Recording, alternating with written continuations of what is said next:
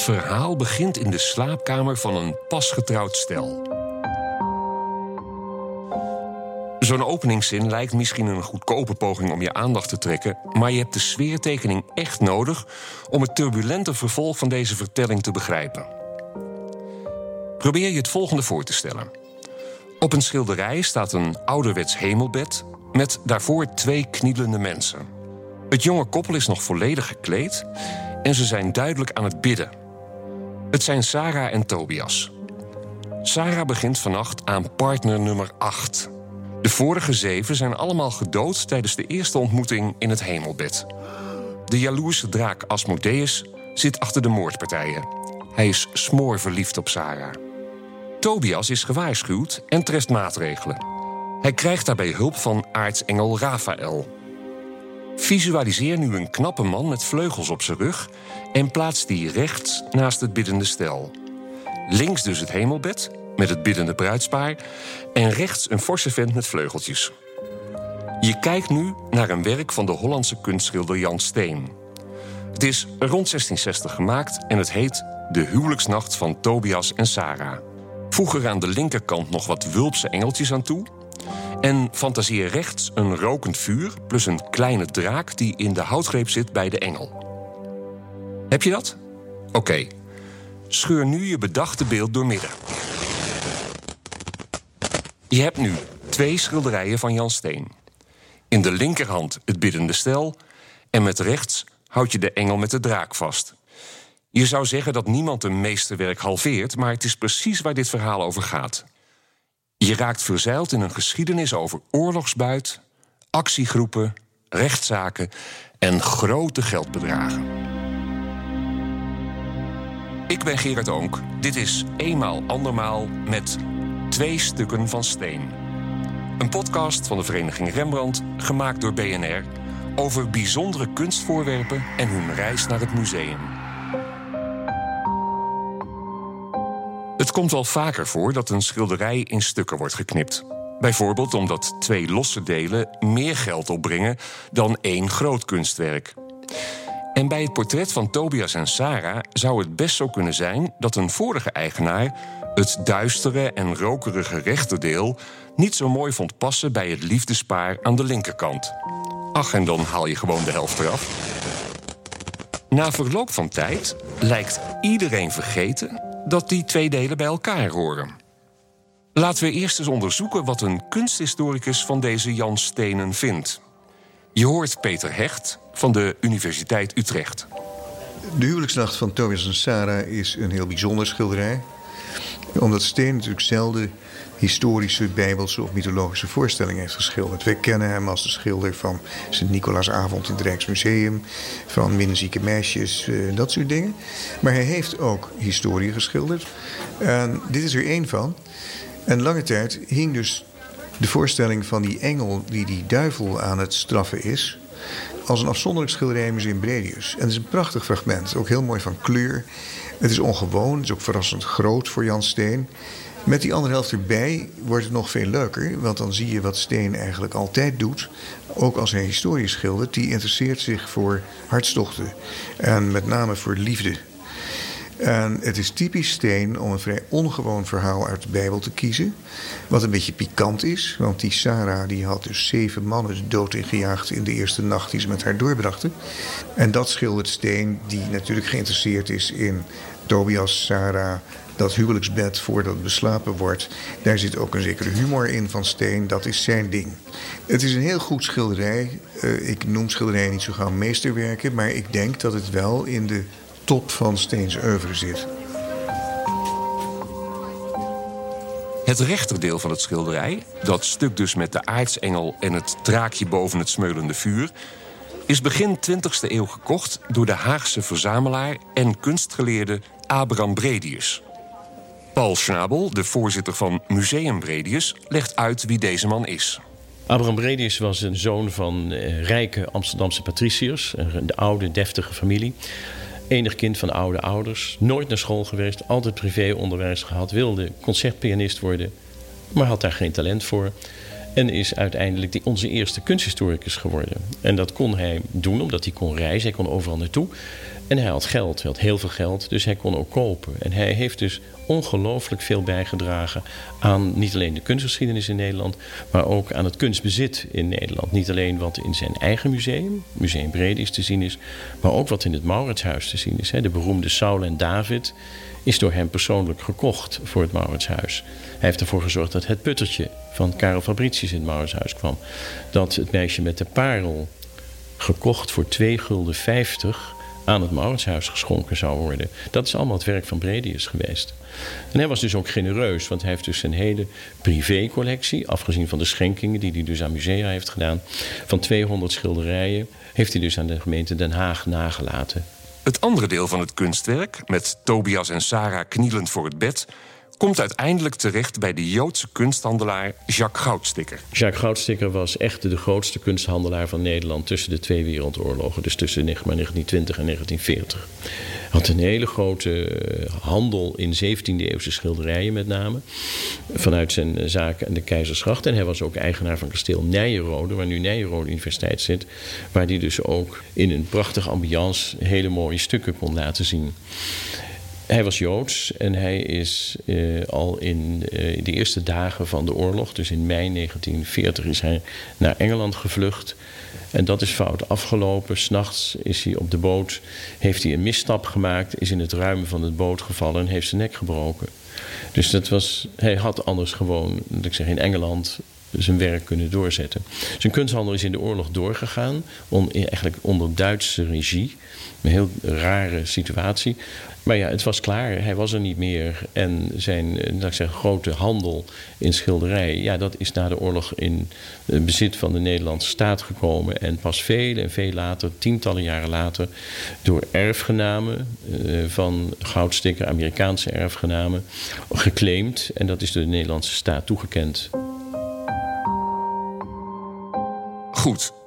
Er is dus een deel van het schilderij in handen van Jacques Goudstikker... en het andere deel zit in de verzameling van Abraham Bredius. In de loop van de vorige eeuw zijn er een paar wetenschappers... die voorzichtig veronderstellen dat de twee schilderijen aan elkaar horen. Toch duurt het nog tot 1965 voordat onomstotelijk wordt bewezen... dat Jan Steen beide schilderijen echt op één doek heeft geschilderd. Tja, als je dan weet dat beide stukken een eenheid horen te zijn, dan ga je natuurlijk proberen ze opnieuw aan elkaar te plakken. Ze werken er een paar jaar keihard aan en in 1996 is de klus geklaard. De huwelijksnacht van Tobias en Sarah wordt het pronkstuk van het museum. Kunsthistoricus Peter Hecht. De restauratie van de schilderij is heel mooi gelukt. En de oorspronkelijke gedachte dat er misschien iets ontbrak tussen die twee helften bleek uh, niet terecht. Dus het is compleet. En dat is getoetst op een gegeven moment voordat ze gingen restaureren natuurlijk. Dus er is eigenlijk niks weg behalve een stuk bovenin. Een vrij onbelangrijk deel, leeg deel van de compositie. Maar verder is het zo mooi compleet dat de leek denk ik niet ziet dat er een naad in zit. Dus je moet dan echt goed naar strijklicht zoeken om te zien dat daar een hechting is. Dus een heel mooi gelukte operatie.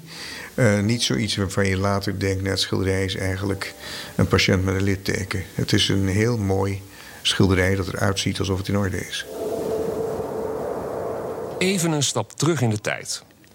Als Abraham Bredius net na de Tweede Wereldoorlog overlijdt, schenkt hij zijn enorme kunstverzameling deels aan het Mauritshuis en een ander deel aan de gemeente Den Haag. De stukken die de gemeente krijgt worden geëxposeerd in het voormalige woonhuis van Bredius aan de Prinsengracht. Maar onheil hangt in de lucht. Want in 1985 gaan de deuren dicht omdat de gemeente bezuinigt. En hier komt de eerste actiegroep in dit verhaal op het strijdtoneel. Er wordt een stichting opgericht met als doel de unieke collectie weer voor het publiek toegankelijk te maken. Om aan geld te komen gaat een deel van het museumbezit zelfs op tournee door de Verenigde Staten. Abraham Bredius zou zich omgedraaid hebben in zijn graf als hij dat had geweten. Daarover zometeen meer. De eerste slag met de gemeente Den Haag wordt gewonnen. In 1990 verhuizen alle stukken naar een prachtig pand aan de Haagse Hofvijver. En nu wordt het opnieuw lastig, want er ontstaat ook nog een ingewikkeld eigendomsgevecht. Zoals je inmiddels weet kwam het deel met de voorstelling van Tobias en Sarah uit de collectie van Jacques Goudsticker. Het was in de Tweede Wereldoorlog voor een belachelijk laag bedrag buitgemaakt door Hermann Göring. De Duitse maarschalk was in die tijd behoorlijk ambitieus bezig om kunst te verzamelen voor het komende Führermuseum. Na de oorlog komt dit deel van het schilderij in handen van de Nederlandse staat.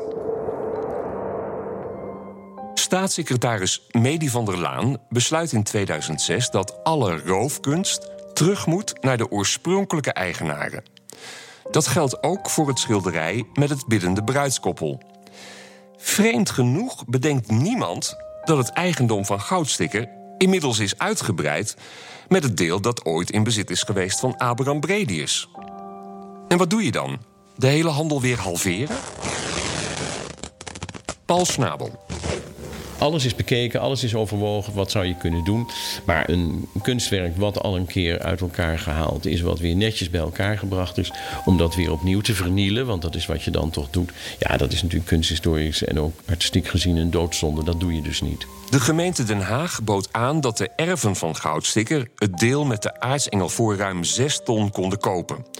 Op die manier hoefde de schaar in ieder geval niet in het gerestaureerde werk. Het zou dan wel naar Amerika verhuizen en verloren gaan voor Nederland. Toen dat bekend werd, had je de poppen opnieuw aan het dansen. Een tweede actiegroep greep in. Dit keer werd de gemeente Den Haag zelfs voor de rechter gedaagd. Museumvoorzitter Paul Schnabel. Feitelijk was het zo dat het mooiste stuk van het schilderij, toen het eenmaal aan elkaar was, was dus eigendom van de Nederlandse staat. En de Nederlandse staat heeft op een gegeven moment gezegd: alles wat ooit van, de, van goudsticker was, gaat weer terug naar de familie. En daarbij had men niet bedacht dat hier een probleem was ontstaan, omdat het schilderij uit twee delen nu bestond. Een deel wat bij de collectie Bredius hoorde en een deel wat van de Nederlandse staat was. En daardoor ontstond een moeilijke situatie, want de familie wilde gewoon alles hebben wat er was. Maar daar was een probleem bij. En het probleem was het testament van Bredius. Want in dat testament stond dat nooit iets verkocht of, laat ik zeggen, zelfs maar uit het huis zou mogen. En de rechter, het is een rechtszaak van gekomen, de rechter heeft gezegd: ja, nee, dat testament is dwingend. Jullie mogen dus het Bredius deeltje, uh, dat mag je niet verkopen, dat mag ook niet het huis uit. Dus ja, eigenlijk heb je dan een schilderij met twee eigenaren. Een mevrouw in Amerika en de gemeente Den Haag. En dat kan. Maar dat vond de gemeente Den Haag niet een prettig idee. Dus die heeft uiteindelijk het totaal gekocht, je kunt zeggen. Dus eigenlijk het goudstickerdeel gekocht om dat samen te kunnen laten blijven met het Brediusdeel. Er moet uiteindelijk 1 miljoen euro op tafel komen om Tobias en Sarah te kunnen kopen van de goudsticker nazaten. Abraham Bredius zou blij geweest zijn met die uitspraak, denkt historicus Peter Hecht. Bredius die bewaakte zijn schilderij als een leeuw. En die mocht überhaupt het huis niet uit, niet eens voor een tentoonstelling. En de gedachte dat de gemeente Den Haag eigenlijk zonder slag of stoot bereid was om een schilderij uit zijn verzameling te verkopen, zou hem terecht zeer hebben eh, verontwaardigd. En het is ook niet gebeurd, want zoiets kan niet zomaar. Dus je kunt een geschenk aanvaarden, maar daarna niet iets doen wat in strijd is met de voorwaarden waaronder je het hebt gekregen. Dus dat heeft de rechter ook tegengehouden. En in die zin zou Bredius heel blij zijn geweest dat de rechtspraak in Nederland nog goed functioneert. En als de prijs daarvoor is dat je die andere helft moet kopen, dan zou hij het zeker prachtig hebben gevonden dat de Vereniging Rembrandt dat mede mogelijk heeft gemaakt. Hoewel het natuurlijk een beetje raar is dat je iets moet kopen wat je eigenlijk al hebt. Want zo voelde het een beetje. Maar het is de enige oplossing. En niemand die bij zijn verstand is had gedacht: pak nu maar een schaar. Bredius blijkt met een vooruitziende blik zijn kunstverzameling te hebben beschermd.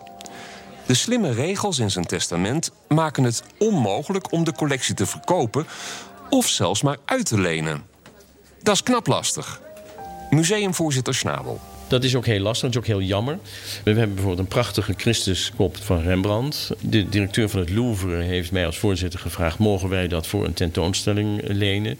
En ik heb wel drie keer moeten schrijven dat dat helaas niet mag. Kijk, de directeur van het Louvre is niet gewend dat er nee tegen hem gezegd wordt. Hè?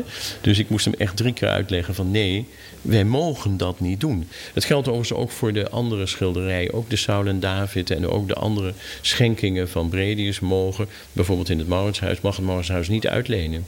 Bredius was daar heel uitgesproken over dat dat gesjouw met die schilderijen dat dat heel slecht was voor de schilderij, dat het maar niet moest gebeuren. ze moesten rustig aan een haakje in het museum blijven hangen en dan moesten de mensen daar maar naartoe komen. Goed, laten we aan het eind nog eens proberen alles rustig op een rij te zetten. Jan Steen schildert rond 1660 het verhaal van Tobias en Sarah. Een tijdje later is er iemand die de helft van het schilderij niet zo mooi vindt. Rafael wordt losgemaakt van de tortelduifjes. En er gaan twee schilderijen van Jan Steen de kunsthandel in. En dat blijft eeuwen zo. Pas een paar decennia geleden worden de twee delen weer herenigd. Er wordt jaren besteed aan moeizaam restauratiewerk. Vervolgens ontstaat er oneenigheid tussen de twee eigenaren en moet de rechter eraan te pas komen om de zaak te schikken. Uiteindelijk komt het complete werk te hangen in Museum Bredius in Den Haag. Rijst toch een beetje de vraag wat Bredius zelf van al die poespas zou hebben gevonden. Zou hij bijvoorbeeld de twee schilderijen weer aan elkaar hebben geplakt? Paul Schnabel denkt het antwoord te weten. Nee, ik denk als Bredius zelf de keuze had gehad... dat hij zeker niet Tobias en Sarah samengevoegd zou hebben... met zijn eigen schilderijen. Ik denk dat hij dat heel vreemd gevonden zou hebben om te doen. Kijk, als je nu in ons museum gaat kijken, dan zijn de schilderijen mooier dan hij ze ooit gezien heeft. Oorspronkelijker ook dan hij ze ooit gezien heeft. Want overschilderingen, oude vernislagen zijn allemaal verwijderd. alles ziet er weer uit zoals het eigenlijk rond 1650 of zo gemaakt is. Daar was hij allemaal geen voorstander van. Dat had ook te maken met de gebrek aan, aan goede restauratietechnieken in zijn tijd. Dus hij was bezorgd dat het eigenlijk alleen maar extra schade zou opleveren in plaats van zou, zou goed doen aan de schilderijen. Dit was een van de twaalf afleveringen van een podcastserie over bijzondere kunstvoorwerpen en hun tocht naar de museumzaal. Eenmaal andermaal is een initiatief van de Vereniging Rembrandt, gemaakt door BNR. Luister ook naar de andere elf afleveringen.